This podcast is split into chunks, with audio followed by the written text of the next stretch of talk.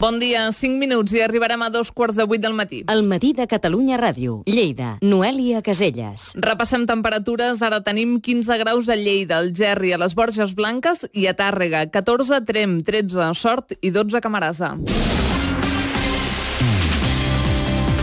Els sometents de Ponent han detectat aquest estiu un increment dels robatoris al camp a diferència d'altres anys. Ho ha explicat aquesta emissora el portaveu dels sometents, Manel Ezquerra.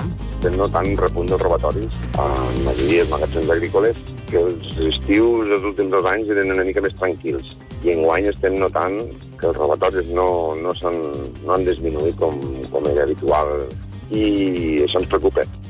Les patrulles dels pagesos del Carràs del Segrià reuneixen avui per demanar als Mossos d'Esquadra més control, sobretot pel robatori de gasoil agrícola que diuen que ha augmentat significativament.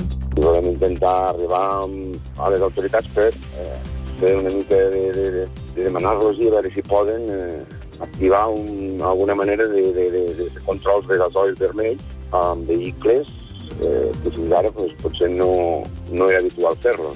Canviem de tema. El Partit Popular no pensa rescatar el peatge de l'autopista AP2 entre Montblanc i Lleida. Això serviria per desviar-hi els usuaris de la Nacional 240, on hi ha molts accidents.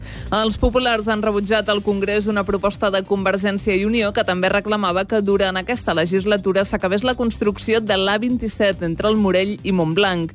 El diputat de Ciu, Jordi Gené, ha defensat que els usuaris d'aquesta autovia poguessin enllaçar després amb l'autopista, sense haver de pagar peatge per millorar la connexió entre Tarragona i Lleida.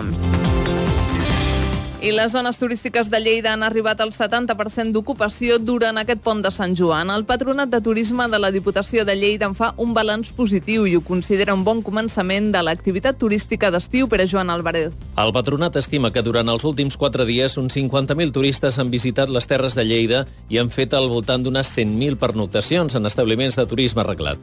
D'altra banda, les activitats a l'aire lliure i de natura, com ara els esports d'aventura i el senderisme, així com també les visites culturals, han tingut molt bona acollida.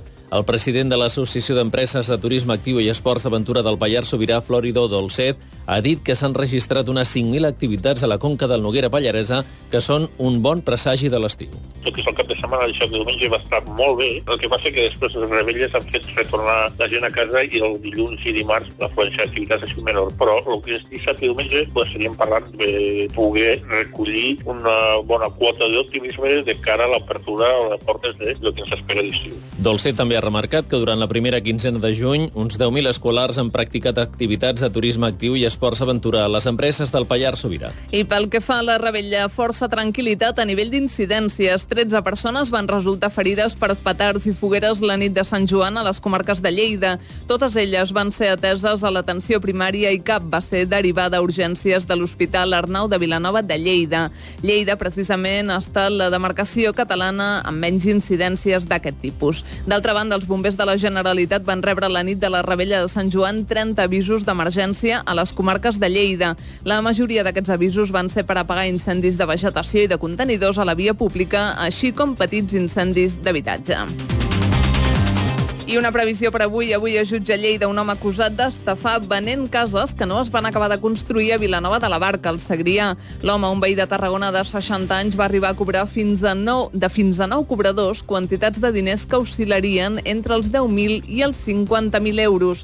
La Fiscalia demana 6 anys de presó perquè creuen que l'acusat va fer els contractes i va rebre els diners sabent que no podria finalitzar les obres.